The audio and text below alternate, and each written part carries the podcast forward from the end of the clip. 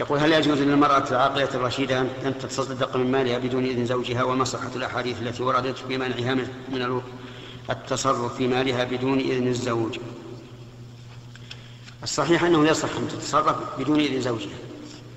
ففي الصحيحين من حديث ابن عباس رضي الله عنهما أن النبي صلى الله عليه وسلم وعظ النساء في يوم العيد وحثهن على الصدقة فجعلنا يتصدق من حليهن بدون إذن الزوج.